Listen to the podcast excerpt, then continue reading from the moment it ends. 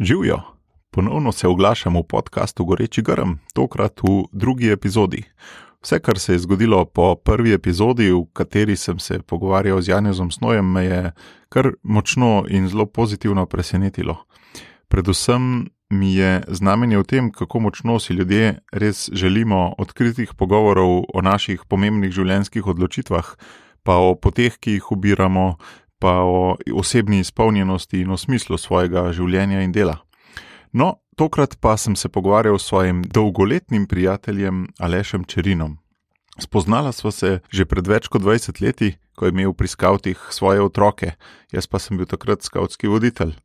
No, vsi ti otroci so zdaj vmes že odrasli, v tem času pa je tudi Aleš večkrat zamenjal ali pa nadgradil svojo poklicno pot. Zdi se, kot da je šele zdaj na družini in življenju začel delati tisto, kar res sam čuti kot bistveno, kot središčno, kot tisto, kar je njegov goreči grm. Aleš je na tej poti doživel res ogromno sprememb. Nekatere je zakuhal sam, nekaterih, naprimer hude bolezni, ki ga je pestila v zadnjem letu in katere posledice še vedno čuti, pa tudi ne. Ampak občutek imam, kot da je vsako od teh sprememb na nek način uporabil za korak bliže proti svojemu središču, proti svojemu poslanstvu. Pa gremo kar v akcijo. Že veš, kaj je tvoj edinstven prispevek k boljšemu svetu in kako ga vdajaniti? V podkastu Goreči grm razkrivamo močne zgodbe tistih, ki že živijo svoje poslanstvo, zato da lahko ti najdeš navdih, prepoznaš svoje goreče grme in pogumno stopiš na novo pot. Živijo, Aleš. Živimo te. Bi začel kar pri enem dogodku, ki se ga spomnim iz najne poti. Uh, in sicer tam enkrat v začetku tisočletja, od tega mora biti kakšni med 15 in 20 let, uh, smo s kolegi organizirali eno usposabljanje za trenerje, to za tiste, ki vodijo izobraževanja. Ti si prišel tja, se učiti, kako narediti izobraževanje. In takrat se spomnim, da si mi povedal, da ja, veš, zdaj nisem več na leku v službi, ampak bom tole rabo, ja, pri skavtih in to bom rabo tudi pri svojem bodočem SP-ju. Jaz tisti, wow, človek pusti službo v ugledni korporaciji in gre na popolnoma svojo samostojno pot. Da mi ti povej, kaj se je takrat v tebi premaknilo, ali kako si ti tisti prehod doživel. Je bil to zate tudi tako močen prehod ali ne tok? Uh, ja, Matej, hvala za tole. Jaz sem šel prav pogledat nazaj, 17 let je tega. Leta 2003 sem šel jaz na samostojno pot in to je bilo takoj tisto pomlad, uh, pomlad, mogoče se je že v zimi začelo. Zelo sem ti hvaležen za to, to je bilo eno najboljših izobraževanj, kar sem jih doživel. Kako sem jaz takrat doživljal? Uh, to, to je bil pa stresen dogodek. Jaz sem bil vendarle 15 let v korporaciji, uh, hvaležen sem uh, leku za, za to pot v leku, ogromno sem se naučil, kar se stroke tiče, tudi kar se odnosov med zaposlenimi tiče, vodenja. Sem imel odlično, uh, neposredno voditeljico. Um, pa tudi iz leka nisem šel na en tak način, da bi zaprl kakršna koli vrata za sabo. Se pa v takih korporacijah vedno dogajajo kakšna prestrukturiranja in z enim od teh prestrukturiranj nisem bil zadovoljen, oziroma štirje nismo bili zadovoljni in smo se odločili, da gremo nekako potem po svoje ali pa na drugo delovno mesto. Dva sta ustala v korporaciji, dva sta šla pa ven. Pravzaprav lahko rečem, da je bil to dober, uh, do, dobro za me. Uh, jaz sem vedno želel delati nekaj na svoje. Moj oče je šlosar, jaz sem mu pozval, kako je on to delo na svoje obrtje imel. In on je delal velik, včasih pa tudi noč. Tako da meni je bilo to, sred belega dne si spomnil, da gre recimo v hribe je pa potem to nadoknadil, jasno, v drugih trenutkih, ki je bilo veliko dela. Tako. tako da, gotovo je imel več kot 8 ur na dan, ampak meni je bila ta svoboda tako dragocena, ker sem gledal in sem si stalno želel, da bi jaz kaj tasga tudi počel.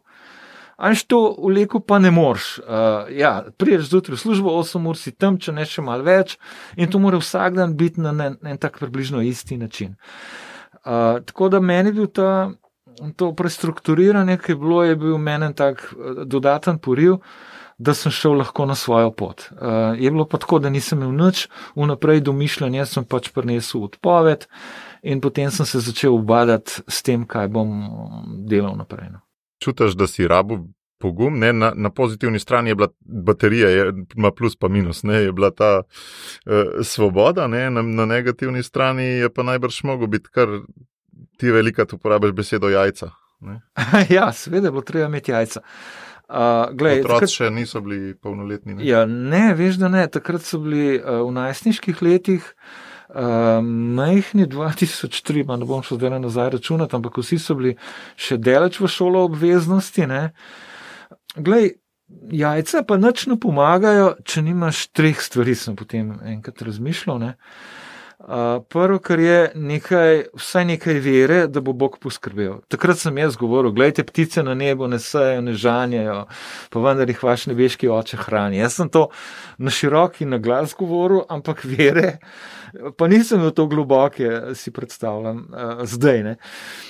To je ena reč, ne, uh, nujna. Ti si bil v Štepancu, tam so kapucini, ne, ti si. To si kapucinsko metaforo vzel. Ne? Ja, ja tako, predvsej kapucinsko. Veš, od kapucinov sem se veliko enih stvari nalezel. Ja.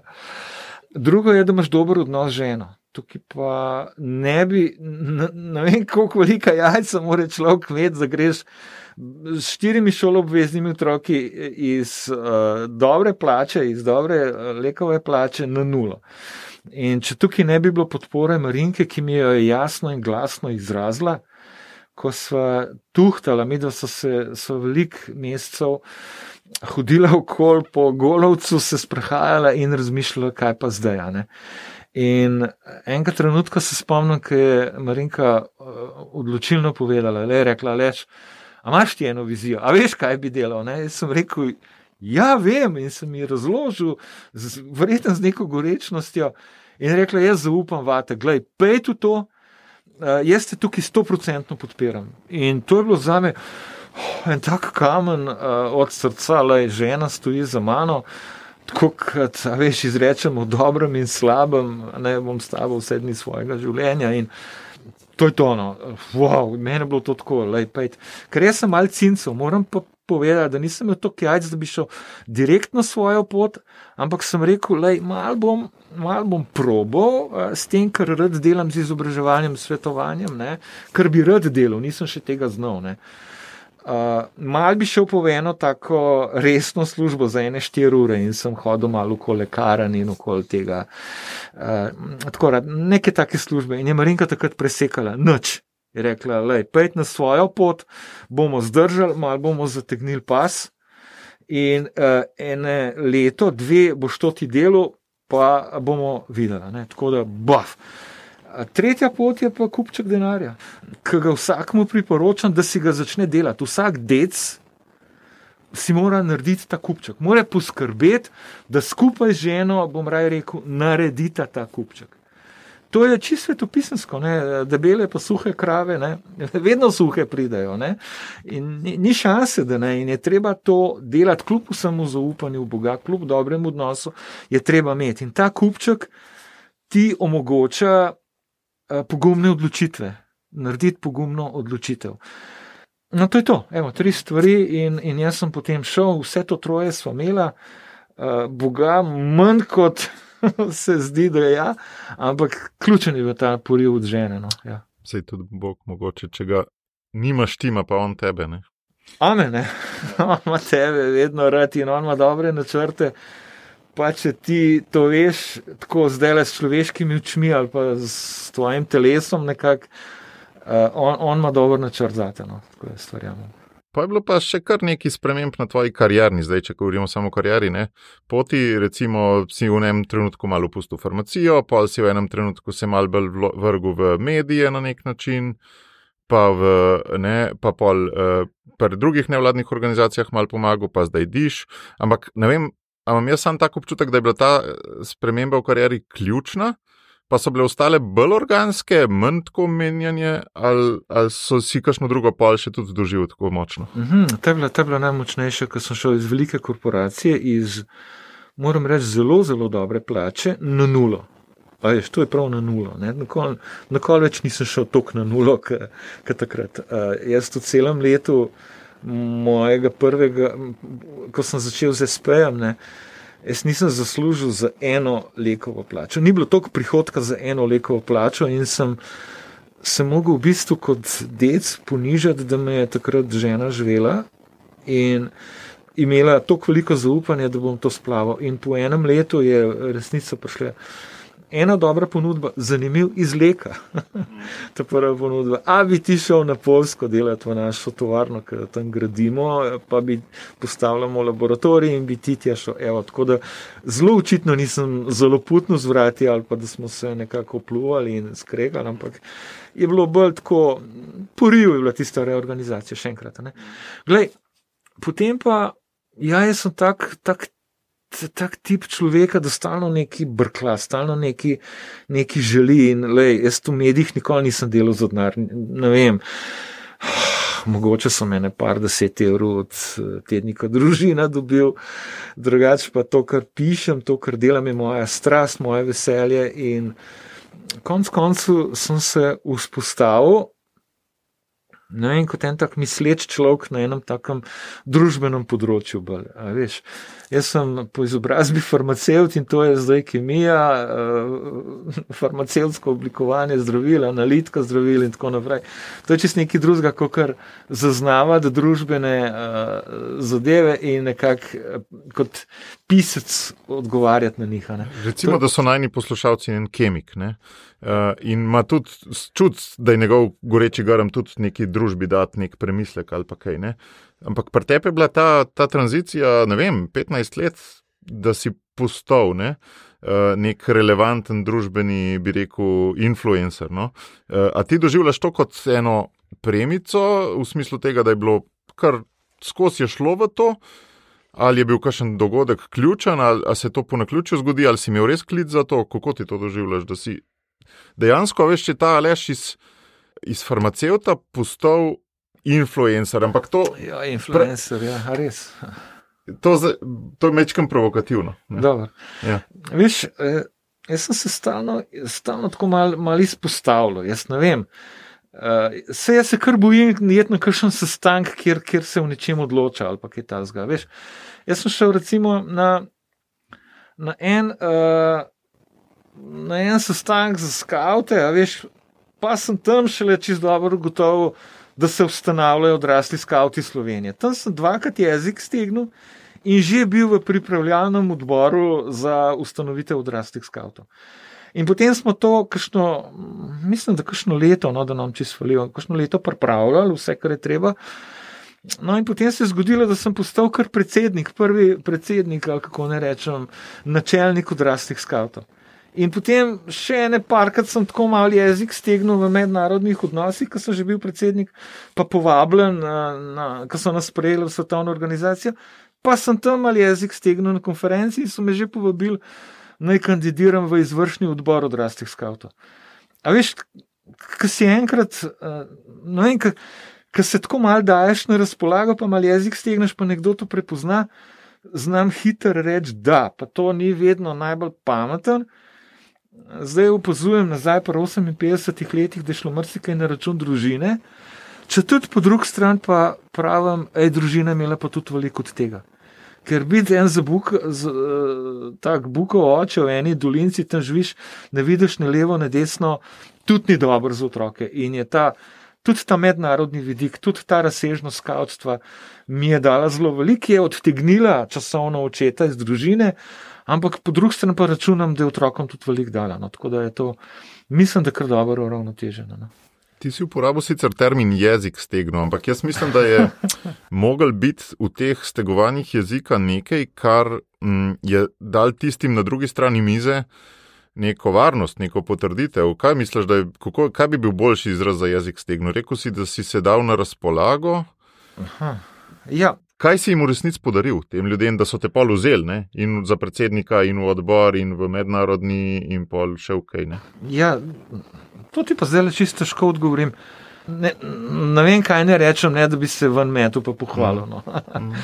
pa tukaj bil no, nekako, kot da sem napuhnjen. Ne. Mm. Ampak zgleda, da sem na pameten način jezik stegnil z neko gorečnostjo. Evo, to Mhm. pa lahko rečem. No. A veš, jaz imam, to pa imam, no, da sem nekako goreč, a veš, za stvar. Ko me nekaj užge, sem tam noter, me je veliko tam noter, veliko se dam tja noter in potem gorim, da če se v gorečih grvih gorim. Jaz pa zgorim, a veš, ta goreči grm, moj se suni zgor, jaz pa nekako zgorim za to reč in uh, meni drug goreči grm pritegne in grem tja, no, če smo že tako. No. Uh, lej, recimo, ne, časnik, ne, kako sem prišel zraven, vse si malo udeležen, to ti, ja, veš, vse veš. Ne. Lej, z Danilom Kozodercem, najnim prijateljem, ne, uh, smo imeli navado, da smo hodili enkrat na leto na ene take poslovne. Uh, poslovne izlete v hribe. In v teh poslovnih izletih smo se pogovarjali, kaj bi mi dva lahko skupaj naredila. Ne? In uh, ena ideja je bila, joj, idemo narediti en tak konzervativen uh, medij. Ne? In uh, ne vem, verjetno sem to povedal tebi, ne verjetno, povedal sem tebi. In si rekel, ja, ja, ja, se tam pa eni tudi delajo, pojdi tja, pa le se pridruž. In sem se tukaj preprosto pridružil in nekako obstal zraven, uh, ne vem, kot ustanovitelj, kot pisec zdaj tudi. Tako, veš, kar, kar potegne me tako not. Mhm. Vsem pa so to nove zgodbe, ki zahtevajo nek čas, pa ga moraš druge pa zmanjšati, ali pa gre na račun družine ali pa česa. Ne? To se mi zdi, da doživljamo vsi in smo pa malo manj pogumni za ujeti v te nove zgodbe. No? Kaj pri tebi ta nagnjenost k spremembam? To doživljaš kot nekaj, kar imaš dano ali nekaj, kar gojiš? Kako je pri tebi s temi? Ker se mi zdi tudi nadiš, kdaj si prišel nadiš, par let nazaj, ne? Ja, isto, isto sem jezik stegnil. Ja, veš, prav sprovociral sem mojo. Ampak pa greš v to zgodbo. Ja, Mislim, kako, zdaj me tole me zanima, kako ti pa greš v to zgodbo. Spakiraš, pa greš, kaj za sabo pustiš, um, kako si upaš na nek način tok spremeniti parametrov svojega življenja. jaz imam strahovito podporo žene. Njega, ne vem, njega deca na tem svetu si predstavljam, da bi imel večjo podporo žene, kot jo imam jaz. Marinka me res tukaj podpira in to drži, da z vsakim moškim, uspešnim, no, recimo, kakorkoli stoji žena, ki ga podpira. In, in tukaj ima Marinki vse priznanje. In vse veš, uh, v, uh, v svetem pismu piše, ne, da je njena zasluga, da si ti znan pri mestnih vratih. To pomeni, mestna vrata niso samo vrata, vrata, ampak to, tam je bila mestna hiša, tam, tam so, so bile odločitve, odločevalci so bili tam. Veš, in, in zasluga Marinke je, da sem jaz znan pri mestnih vratih. Tako da vsa, vsa čast. Zdaj, prej si me vprašal, če jaz gojim to, te spremembe. Ne, pri meni to, to, to je pri meni čist spontano, z ne preveč veliko razmisleka. Jaz sem tako, no, človek, ki skoči v bazen.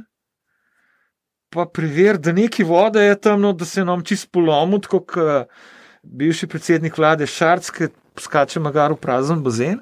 Jaz ne skačem v prazen bazen, uh, pogledam, da voda notja, da si hrbta ne polomim. Me pa včasih potem to zapeče, ker je voda proroča, ali pa me ohladi, ker je voda premrzla, ampak si pravim, vse dec mora to malo vzdržati. Ne, tako da glih na glavo naskačem v prazen bazen, pač pa mm, se ne sekiram veliko, če voda ni optimalne temperature. No. Pa so pa še take spremembe, ki pa nismo sami jih zakuhali, ne reko jih rečeno, ne? ampak se, so jih drugi, zdaj pred malo več kot letom dni, se je tebi zakuhala ta uh, leukemija akutna. Tukaj pa nisi sploh skočil, ampak so te drugi vrgali v bazen. Ne? Ja, tukaj, tukaj je Bog dopustil leukemijo, bi rekel, precej nevarno bolezen, ki te pobere, če jo ne zdraviš v parih tednih. In jaz sem že dokaj pozno prišel v zdravljenje. Tako da morda, če bi še en teden doma odlašal, pa 14 dni, bi se mi lahko kaj zgodilo, ki bi bilo nepovratno. Ne. Ja, to, to se pa kar zgodi. In ko sem enega zdravnika vprašal, kaj bi bili vzroki, zato je preprosto rekel: bad luck. Bad luck, nič, nič, nisi, uh, nič nisi ti kriv. Z- Možnosti za leukemijo so samo tako, vzroki za leukemijo so te, da imaš neko strašno sevanje, ne tisto, da tam živiš v Krškem blizu jedrske elektrarne, ampak da si doživel Černobil, da si že imel prej kakšnega raka, pa so te zdrave citostatiki, ali pa benzen, recimo v laboratoriju. Sam jaz nisem doživel benzena, ki smo ga, preden sem prišel jaz v lik, so ga vrgali iz laboratorija. Ne. In jaz načut tega, ali pa mečka nekaj malega kajenja in jaz nisem ne enega, ne drugega, ne tretjega, ne četrtega imel. Nasprotno, ljudje mi pravijo, kako si duvo raka, ker tako zdravo živiš, jaz sem skozi malo laufam. Nekako domačo hrano jemo, noč tok tasga, no, razen to, da v Ljubljani živim, recimo. Ne. Ampak noč tasga, bedlak in to se zgodi. Kaj nazaj gledam, zdaj le ne, zdaj sem 8 mesecev od tega, ker sem iz bolnice prišel. Ne. Se mi zdi pa ta bolezen ena velika milost. Jaz ne vem, če bi, um, če bi se mi toliko velik dobrega zgodilo, če ne bi bilo toliko velike bolezni. No. Tako rekel, toliko uh, zares vzeti to, da smrt pride, da smrt lahko. Eh, pride v tem trenutku, ne, prav, veš, ima te zdaj mi dva greva in lahko ne prideva do doma. Ne.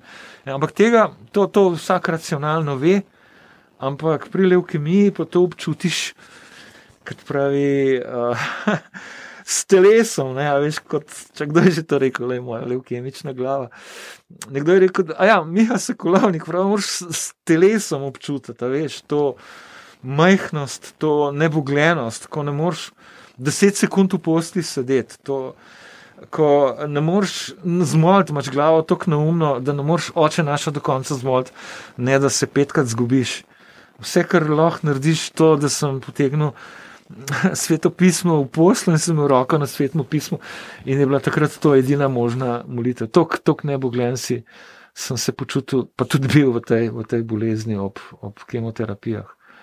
Občutek je, kot da si tudi to uporabil na nek način, ne, ali pa da je Bog uporabil ne, uh, v dobro. Ne. Ja, ja, v dobro. Jaz ne vem, kakšno milost sem imel, ampak tako mnogi, ki dobijo raka, se jezijo na Boga, se jezijo na, na cel svet okoli sebe. Ne vem, jaz sem hvaležen, da, da, da smo z Marinko šla v družino življenja, kjer zdaj ene štiri leta prebirava zelo redno, vsak dan, vsakodnevno. Tole vsakodnevno božjo besedo, ki jo v cerkvi beremo. Ne. Čist preprosto 15 minut lepo se ponižno usedeva, preberava en, en nagovor uh, od besede med nami, ki družina to lepo izdaja, preberava en tak nagovor iz tega, iz božje besede. In se še malo pogovarjava. Včasih je to minuta, dve, včasih deset minut, včasih pol ure, kakšno so bo to pa tudi tri ure. Tako da je prav, prav zanimivo. In ko mi je en mlad zdravnik rekel, gospod, usete se, meni je bilo čuden, kva zaradi ene usrane gripce, uh, tam že čepim cel, celo dopoledne, do treh, od jutra do treh popoldne čepim na infekcijski, kar naprej me neki v laboratorije vabijo in pravijo, kele bomo šli pa še pljuča slikati, gospod, ampak usete se na invalidski voziček. Čak, kvat, zakaj na invalidski voziček, a grem, ne vem, na Mars ali kam. Ne, ne, ne, zdravnik je rekel, usete se na voziček, pa kar gospod, usete se. In mi je bilo pa to že malo tako čuden, ko ne se jaz zdaj usedam ker sem prišel kot zdrav, uh, infekcijsko. Ne. In uh, po še ene parih urah mi en mlad zdravnik pravi, gospod, vi imate akutno leukemijo. In prvo, kar mi je prišlo na pamet, je bilo, gospod je moj pastir, nič mi ne manjka. Jaz ne vem, odkje raven to, ampak je pa to moj najljubši psalem, ki smo ga z Marinko večkrat brali, ali pa tako, zelo blizu mi so mi te besede.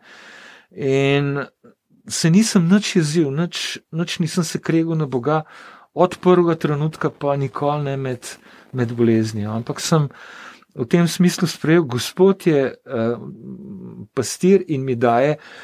Travnike, veš kaj je travnik v Izraelu, to je bogatstvo, to je, to je nekaj dobrega za te ovce. Ne? In gospod mi želi tudi nekaj dobrega povedati z leukemijo. Nisem tako še reflektiral tiste prve minute, ampak prvi odziv je bil ta. Čist organski. Ne? Ja, ne vem, jaz sem hvaležen Bogu za to milost, da ga nisem nadiral, pa se neki jeziv na njega, ker ni tako prav. Ampak tukaj se mi zdi tako, če greva v to zgodbo Mojzesa, ki je temelj za ta podcast. V puščavi se ti zgodi množica enih takih dogodkov, nepredvidljivih, težkih, obljubljene države še kar ni. Ne? In jaz se pa vedno vprašam, odkje človeku moč za to pot skozi puščavo. Moč prihaja iz gorečega grma, ponavadi, iz Mojzesu. Se pravi, mora biti nekje ena energetska bombica na začetku poti, da to človek zdrži. Ne. Zdaj ti kot svoje goreče grme omenjaš velikrat skok s padalom, ki te je klical bolj skrbi za svojo ženo pa družino, otroke. Omenjaš tudi ženo zelo velikrat kot svoj goreč grm. Tudi to bolezen, po moje, je nek goreč grm za te, a ne? Zdaj, a je še kakšen? ja, veš kaj? Ko mi je všeč ta koncept, prvo, da te pohvalim no, za te goreče grme. Hvala, ker si mi poslal tudi uh, vprašanja, vnaprej sem ti hvaležen, da sem lahko razmislek naredil v tem smislu. Drugače, gre to kar mal mimo. Ne.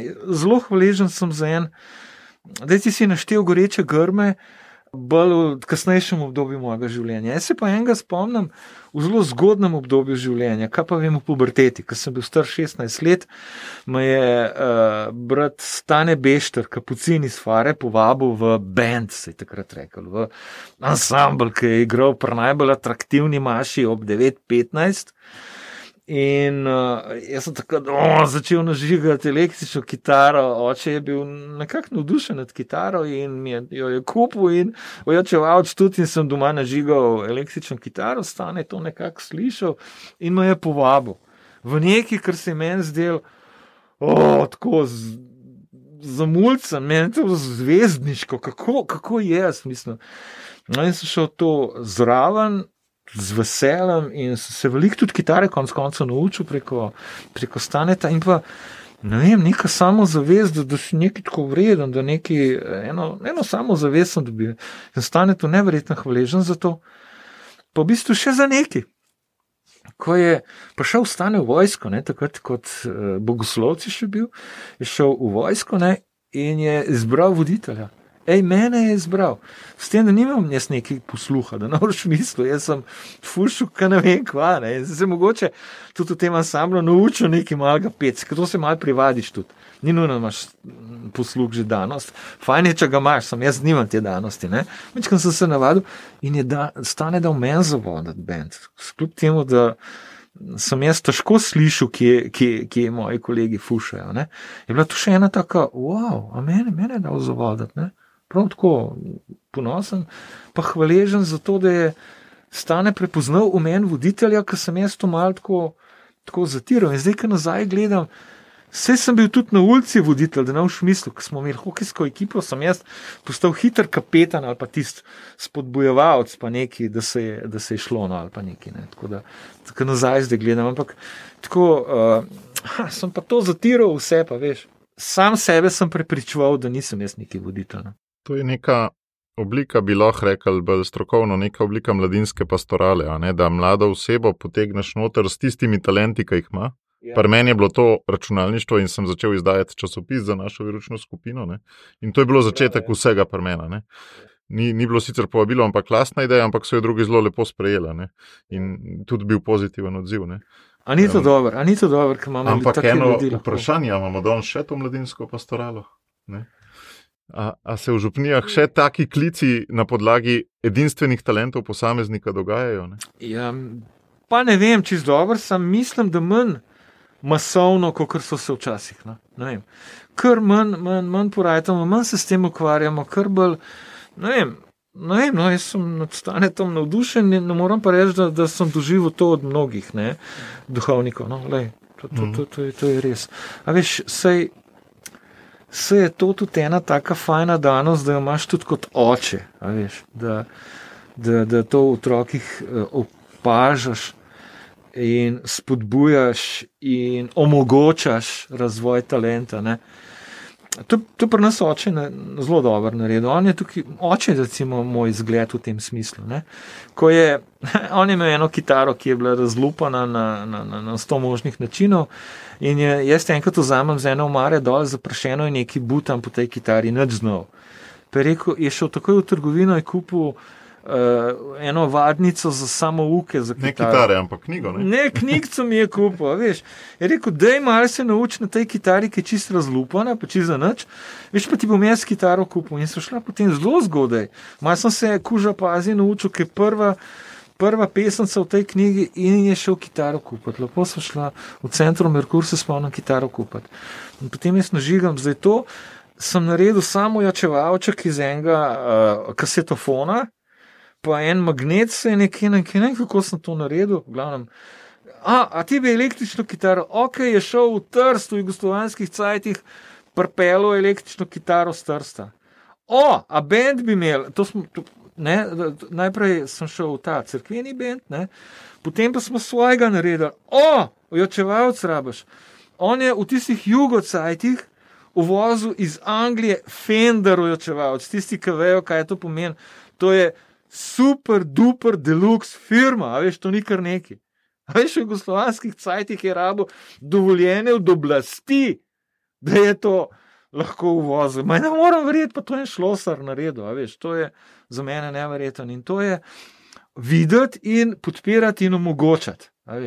In to je naša naloga kot učitev, to je naša naloga kot voditeljev uh, v, v podjetju, to je naša naloga kot uh, v mladinski pastorali, če si prej to omenil, in povsod je to naša naloga. Še posebej se mi pa zdi, ne vem, saj sam imam tako izkušnjo in mnogo drugih tudi, ker sem z njimi govoril, da so te ljudje izven družine zelo, zelo pomembni. Da, da v tem obdobju najstništva. Ne, te tudi nekdo izven družine prepozna, ker starši te že po defaultu na nek način. Ja, viš, moj oče je to prepoznal pri 12-13, ki ti oče še nekaj malega pomeni. A veš, in je bilo potem pa res pomemben, da je nekdo drug, duhovnik, recimo v tem primeru, prepoznal. A veš, imam pa še en dober primer iz službe, sem se zdaj le spomnil. Jaz sem bil izpostavljen ekstremno dobremu načinu vodenja svoje kolegice kolegice, moje voditeljice, ja, jaz sem bil njen podrejen, ona me je vodila. Ne. In uh, meni se je zgodilo, v odkrit priznam v korporaciji, da nisem bil zmožen vodenja oddelka, ki mi ga je zaupala takrat, ko je šla na porodniško. Uh, nisem bil zmožen, nisem bil odstavljen. Jaz sem mogoče en redkih, ki je bil vleko odstavljen kot vodja oddelka. Mogoče edini, ne vem. Ampak, gledaj, ko je ona prišla iz porodniške, je rekla: Ne, ne, ne, ti imaš dar za vodenje. Ne vem, kaj se je zgodilo, kaj je bilo, ampak uh, ti boš vodil. In me še, en, še eno priložnost dala in me spodbujala in mentorirala. Veš. Tako da jaz imam en velik blagoslov izpostavljenosti dobrih zgledom v, v, v življenju. No. Mm. Pa ne delam tega namerno, če tudi ko pa govorim pa ljudem priporočam, da se izpostavljajte dobrim zgledom. Mm. Da se daš tudi kopati v dobre kolektive, pa v dobre druge organizacije. Ne? Točno. In, in če nimaš dobrega vodenja, bejš ven. Kako boš pa šel ven, sem pa prej povedal. Bog žena pa kupček denarja. In poišči dobrega voditelja in se mu nastavi kot podrejeni, in da boš lahko rastel. Ampak zanimivo mi je pa to, da sem danes mogoče na nov pretep odkril, da ni bilo samo od ne, farmacevta do nekega človeka, ki govori, ne, ampak je bila tvoja civilno-družbena pot. Ne. Tudi zelo močna, v bistvu prek tega benda, ne? pa potem pri skavtih, ki sem kar mal pri refleksiji pozabil. Se pravi, si bil tudi v veliko operativnih funkcijah na nek način. Ne? Nisi sam tisti, ki govori, ne? Po čemer te večina ljudi pozna. Ne? Ja, ja, ja, lej, ja tako si rastel. Ja, tako, tako, tako, tako, tako sem rastel. Z neke operativne funkcije tudi. Ne? Ja. Ja, seveda, se pravi, takoj sem postal vem, uh, voditelj, voditelj po skavtih na, na vse milen. Od, od začetka, od vodenja bratovščine, ne, pomeni skupine odraslih skavtov, do v svetovnem komiteju. Še tam sem se štulil, da bi bil predsednik v svetovnem komiteju, pa mi ni rad, ker so se malo frankofonsko govoreči, uprli pa so imeli večino in tako naprej. Jaz sem pa angliško govoreč bil tam. No. Mm. Se mi zdi, da si imel na svoji poti kar velik teh usponov in padcev, in ko smo vodili skupaj razne seminarje o vodenju, si zelo veliko dal metaforo egiptovskega Jožefa, ne, ki je bil tudi od zapora do faraonovega svetovalca, pa vse vmes. Ne. Kako tebe ta egiptovski Jožef za naše življenje navdihuje, ko razmišljamo o svojih karjerah, pa uspehu, pa vodenju samega sebe? Ta tip je pa mene tako, enkrat sem naletel na njega in me je presenetil in sem rekel, tole pa je zgodba. Tole, tole pa je zgodba pobiranja po pacih. Ne. Se pravi, jaz ga gledam egiptovskega Jožefa kot rojenega voditelja, kar ni, nam ni vsem dano. On je imel to danost, on je imel sanje, on je imel sanje, da se mu bodo drugi klanjali. Tipično za voditelja, da imaš, da imaš ljudi, ki jih, ki jih vodiš. Ne? In je to ta klanjanje prispodoba, po moje, odnosa voditelj-sodelavec. Uh, In je to šel fotru pravt, ne, pa svojim bratom, le, vsi so ga zato zasovražili. In to se voditelju takoj zgodi. Čim ti glavo ven pomoliš in nekaj vodiš, te eni zasovražijo in moraš to preživeti in moraš nekako to predelati, da te novijo imeli vsi rad. Če, če hočeš biti voditelj, pa če hočeš, da novo to vodenje stalna neka tvoja travma. Ne. Ampak tega se kar bojimo, ne, vs... Ja, v bistvu. Ko, ko, opažaš ljudi, ki se tega ful bojijo preveč, pa ne vzamejo Ja. vodenja. Ja, ja, veš da, veš da. Imamo celo voditelje, ki se bojijo, da naj čist celemu narodu všeč. Ne? A veš, ne? Ene deset procentov ljudi te bo zasovražilo. Tako občutek imam. No? Ene deset procentov ljudi te bo oboževalo. Eni bojo pa seveda tam vmes in ti rečeš, da vseeno bom to delal tudi zaradi onih, onih 10%, ki te nimajo radi. Uh, oni, ki te obožujejo, bože te ne obožujejo, ki to na, napihujejo žitek. Uh, mal napuha, mal tega ega tvojega ne napihujejo, pa, pa ti to ne pride prav, to ni, to ni nekaj, kar ti pomaga. Ne. In tega, tega, tega se bojimo, ampak kot sem rekel, to moš nekako predelati in vzeti, ok, ti me ne maraš nič hudega. Jaz bom vseeno to počel. Kaj pa je ta, jaz bom vsem to počel, zakaj pa bi? Ne? Ker tukaj smo mal pri teh gorečih grmih. ne.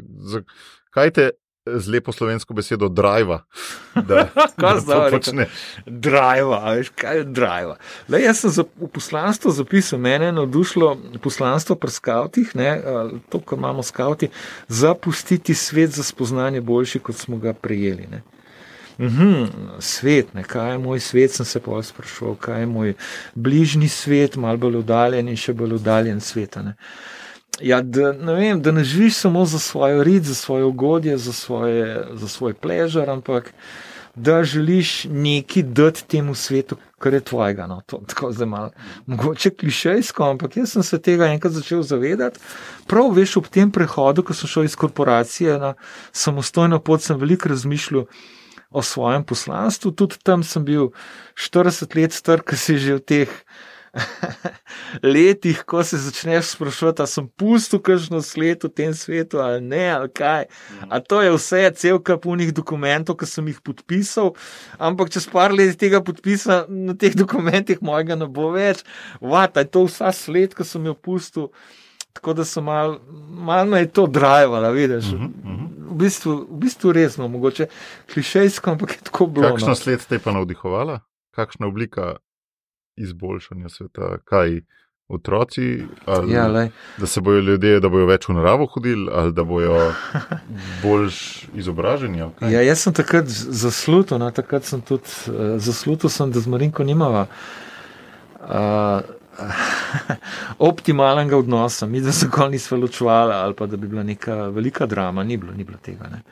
Ampak, lej, danes, ko se ukvarjam s temi odnosi z zakonci, a veš, mi moramo pokazati, da je uh, uh, zakonski odnos nekaj neverjetno lepega. Bog si je zamislil ta odnos kot prispodobo odnosov v sveti trojici. Veš, mislim, to, je, to se pravi, mi moramo optimizirati te odnose, neverjetno. Ne? Tako da otrok, ki te gleda, da si reče: O, fotor, pa imate, mi smo 30 let sta poročena, pa koliko se imata še rada. Le. Jaz sem tudi poročal, ko mi čakam, da sem poročal. No, in takrat sem zaslužil, če tudi sem v svojem napuhu govoril. Da, da smo mi idealna družina, veš, da sem jaz idealen mož. To sem kar govoril, veš, tako mislim. Nisem se zavedal, da to ni res. Veš, tako iz, iz resnične percepcije svoje sem to govoril. Tako ob težavah, ki sem jih imel z najstniki, sem se pa začel zavedati, da najbrž nismo tako optimalni, pa idealni, kot govorim. Ne? In da tudi najen odnos ni tako idealen, pa optimalen, kot govorim. Ne? In sem napisal poslanstvo. Tako zelo resno sem se tega lotil in nekje v poslanstvu imam zapisano, Marinka je, to pomeni moja žena, je najpomembnejša oseba v mojem življenju. what, ne, kako pa tako. Si še sam sebe presenetil. Ne? Ja, samega sebe, s- tu- tukaj to je čista laž za tisti trenutek, ne. A veš, čista laž je bila No, to za trenutek. poslanstvo vedno malo naprej gledam. Veš, da ne, in sem tudi preko in potem rečem Marinki, Marinka, posluš. Klede sem si zapisal, Marinka je najpomembnejša oseba v mojem življenju. Pa pa še naprej sem to malo razdaljeval, ona pa, ja, ja, tako neverno. Lej sem rekel, jaz sem to zdaj domislil, zdaj sem in zapisal, zdaj sem ti povedal, zdaj bom pa začel to uresničevati. No, bomo videli, a veš. in tako. Zdaj prav, ja, veš, veš, da je bilo to res ključno. Tako za nazaj, zdaj, po 15 letih, ne. Ja, Se vidi, ne, učinek. tega. ja se vidi učinek. Ne.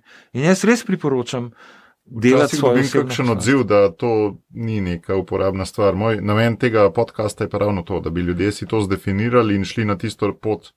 Lahko rečem, kaj jim jo je Bog pripravil. No? Matej, ej, to, kar delaš, vsaka čast, ekstremno pomemben in tega ljudje v resnici ne delajo. Mi, slovenci, smo tukaj malo napuhnjeni, živimo iz dneva v dan, vse nas premetava, nimamo nekega sita, skozi katerega bi sejali, kaj je ja, pa kaj ne. Razumeš, ka- ka- katero aktivnost Razločevali katero ne. sploh. Ne? Evo, tega razločevanja. In ko imaš ti poslanstvo, se meni zdi, da je to kot nekakšno Sito. sito, ki dobro odloči od slabega. A, veš? a je to vprašanje, ki si ga postaviš? A to, a, a dajem s tem dejanjem Marinko na prvo mesto, ali kaj dajem, koga, kva dajem na prvo mesto. Ne? Če ne drugega, jo daš bolj pogosto na prvo mesto, ne vedno, ker tudi ne moreš tega. Ampak, veš, in to se že pozna. Ne, tudi to, vse poslanstvo, se veš, ne pride nikoli do konca v prakso, ne, ampak je to neka, še enkrat, neka, neko, neko sito, skozi katerega dnevne, tedenske, mesečne in tudi take večletne dejavnosti preseješ. Če ne drugega, greš pa ženo vprašati. Lej, vabijo me, da bi kandidiral v mednarodni komitij. Kaj ti meniš o tem? Kaj ti meniš o tem? In pravi, je rekla Marinka, jaz te tukaj podpiram. Ali pa ne, tukaj me je in sem potem kandidiral. A veš, saj tok, da jo poprašaš, da jo vključiš v odločitve. Ker deci napuhnjeni, ali pa tako sem bil jaz, ne vključujemo žena uh, v, v, v odločitve. Ne? Ali smo pa taki, ne upognjeni, kot smo enkrat govorili, da žena vsem odloča, ti se pa skriješ v mišjo luknjo in daš vso odgovornost za vse. Ampak Žena. zdaj, ko razmišljam, ne, bi lahko dal naslov, preden pred pogovorom, ne, bi dal naslov od um, farmacevta do influencerja, ne, v treh korakih ali pa malo za hec. ne. Um, ampak razmišljam, da v bistvu ni to družbena kritika, ampak da, če te prav razumem, je tvoje jedro tvojega poslanstva je v bistvu zakon in družina. In da si šele na dižu zdaj v bistvu prišel v, bi lahko rekel, ta pravo službo, tist, kjer je res tudi to poslanstvo firme. Ja, Da si prej skozi malo kolobaril okoli tega in šele zdaj zares zadev. Ne? Ma, sej mislim, da je to normalna pot. A veš, ti ne moreš skočiti iz, eh, ne moreš deset štenk naenkrat preskočiti, le, ker sem vam prihajal. Eh, Sem šel po dve, ampak več pa ne moreš. Ne? In, in mora biti ena taka organska pot od eh, kemika, s, v bistvu s kemijo, farmaci, s kemijo v farmaciji ukvarjal, čeprav sem farmacevt. Ne? Uh, ne moreš ti skočiti v, nek, v neke o- ukvarjanje z odnosi. Ne? Veš, jaz sem potem, ko sem stopil na samostojno pot, sem najprej mislil, da se bom ukvarjal mm, s kemijo, z organizacijo laboratorija, z optimizacijo dela v laboratoriju. Kar sem pa videl, ha, da sem se ta prvi dan, ko sem stopil na to pot, ukvarjal z odnosi med ljudmi.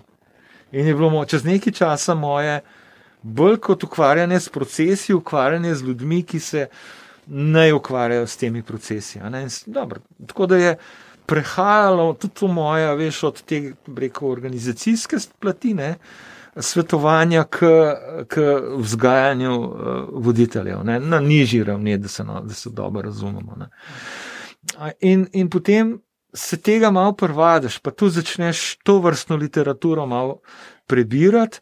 In tudi opazuješ, vse odnosi so odnosi, to so medčloveški odnosi, ali so poslovni, ne v poslovnem svetu, pa se podoben valav v zakonu, med zakoncema, med otroki in starši. To so medčloveški odnosi. In ja, jaz sem hvaležen, da sem tudi v družini življenju stegnil jezik, zaprovociral. In Dani Sitar je prepoznal to provokacijo kot dobro, če tudi je bila ostra provokacija je Dani uh, tako velik mož, da ga ne odvrne od tega, da te ne bi povabil k sodelovanju. Ne? In me povabil k sodelovanju. Evo, Dani je tudi en tak tvoj goreči garam, se mi zdi, večkrat ga omenjaš kot skoraj enega mal sekundarnega očeta ne, v marsičem. Ne. Ja, Dani uh, skupaj z ženo Vilmo, ne mi družini življenju vedno delamo v parih praktično, no, no ne vem, ne čist vedno, ampak tako, no, nam je to fora, da delamo v parih. Ne. Uh, skupaj z Vilmom sta ja, velika, reko, velika sprememba sta povzročila v nama, kar se najnih odnosov tiče, kar se odnosov z otroki tiče, kar se odnosa do Boga tiče, ja, veliko spremembo in ga. Ja, smatram kot nekaj očeta. Dost običajno, ampak ne toliko za po 50 letu, da ti nekdo, da nekomu dovoljš toliko vstopati v tvoje miselne procese, da te tako plemeniti. Ne? Ja, ja lej, ena veš, mi da se jih tudi fasala. In, in, in ko jih fašaš, te to mal, postaneš malo bolj ponižen. A veš, malo bolj ponižen in, in, in si rečeš, o, mogoče pa jaz vsega nimam prav. Najbrž, da večinoma nimam prav. Dajmo se še od koga kaj naučiti. Ne? In ko enkrat, a veš, tudi tu v družini življenja sem mogel skozi en proces. Sedaj je to, ne vem, kako let govoril. Ja, pa dajte že en procent sajta si v te požel vzel za Boga. Ne? E, to bo mi 15 minut. In jaz sem to velikrat slišal, ne? ampak ne udejano. Ne? Ampak polk je pa enkrat rekel, in mož je varuh zaveze, o, ole, si to sem pa jaz. in sem to pa vzel resno in zdaj gnjavkam Marinko in samega sebe, le če sem varuh zaveze, pa nam zdaj neki tralala in ne spustiva nič, a za so pa še in sem mogel tudi tega. Tudi Danja, ne, recimo, je bil proces, da sem ga slišal, veš, pa doumel nekako, pa spravil v prakso. No. Da, le, vse je proces, veš, jaz to vidim zelo procesno, ker mi kar mislimo, da v odnosih bo pa kar en velik skok. Ne, Ma ne bo, lepo boš počasno predoval v procesih, če boš in to je čist dober in dovolj, da greš na boljš, ne na slabš. Ne. Zdaj je zelo popularno to uspeh čez noč ne, na YouTubu. Tako, ja. Pravijo, da je uspeh čez noč plod desetletnega trdega dela. Ne. Tako je, ja, ja, ja velikrat če tudi, veš. Ponekje se mi pa zdi, da je tudi to tombola, ne, a veš, rekel, da zadaneš na tomboli. Glavni dobitek, ne, uh, v pravem trenutku z pravim načinom, na pravem mestu in je to zdaj dobitek. Ampak, če ni bilo tega nečesa zadaj, bo to tudi hitro šlo. Sej. A veš, mi dva pa tukaj harava po tej sceni, ne?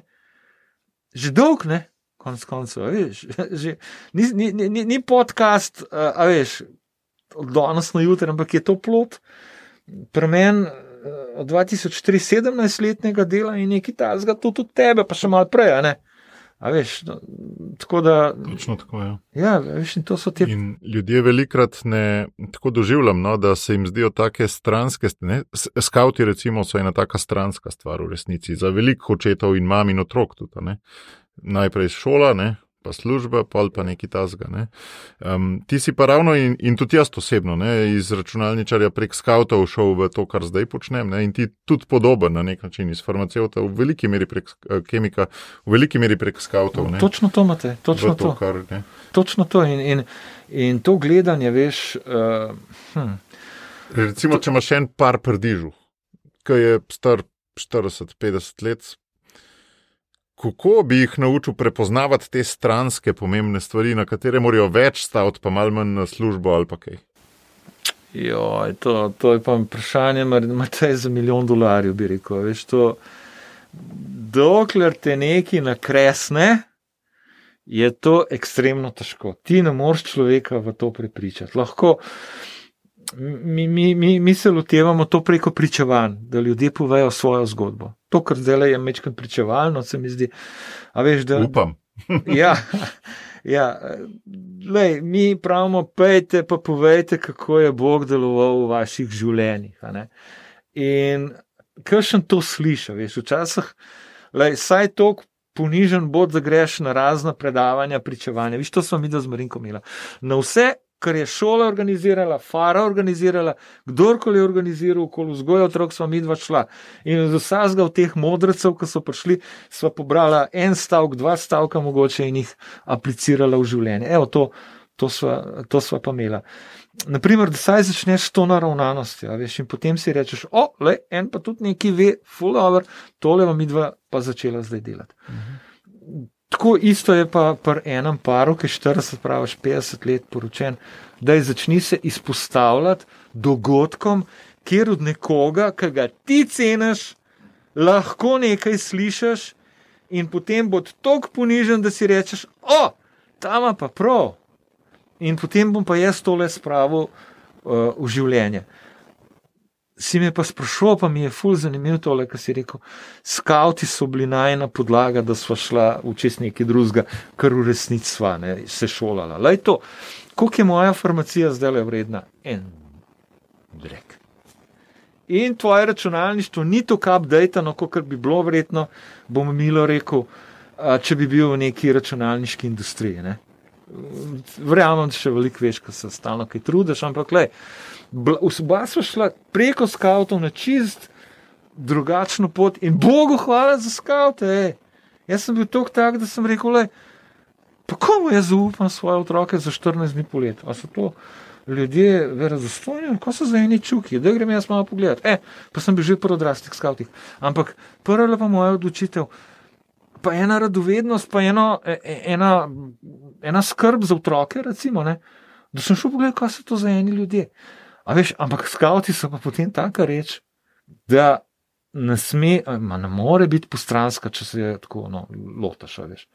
Kaj enkrat vidiš, kako dobra pomoč, ma ne samo pomoč, kako veliko pomaga ta način skavtskega življenja potem ljudem v življenju, si rečeš, ma to je to. Je. In se zaženeš v to, in preštudiraš, in si v to upet. In, in to srkaš, in, in, in to prihaja vate. In tudi jaz vidim pri svojih otrokih, ki so bili vsi v skavcu, kako po moje drugačni bibliče ne bi te poti doživeli. Tukaj si upaš, veš. Ker smo imeli mi, ne vem, vse veš, te smo rekli, kulturnik za kulturni dan, kulturno prireditev. Ma da, ki smo mi odrasli, dubaj enkrat, dajte predstaviti eno pravljico, ne vem, kje je bila na način opere. Ma kaj so se pa to zmislili in pure imate cajta za to. Ajo, mislim, to, kot odraslen človek, to daš, to te mm. zona oblije in ne veš, ko bi pa če nastopati, mo mogel zdaj le na odru. Mm. A dej, nekaj, jaz se to nagrem. Ampak že kot odrasel pa rečeš. Ja, mogoče se bo kaj naučil, da imamo neki tlele. Ne? ne moramo biti bedniki, pa mi imamo noč, pa smo nekaj naredili, na koncu je bilo dobro in potem si upaš. In to je šola izpostavljanja. Ne? Prej si rekel, da je to ključ do tega, da boš enkrat delal tisto, kar res čutiš kot pomembno. No? To mi odmeva no? in s tem bi počasi kar zaključil, kako se izpostaviti, če me je pa strah. Ne?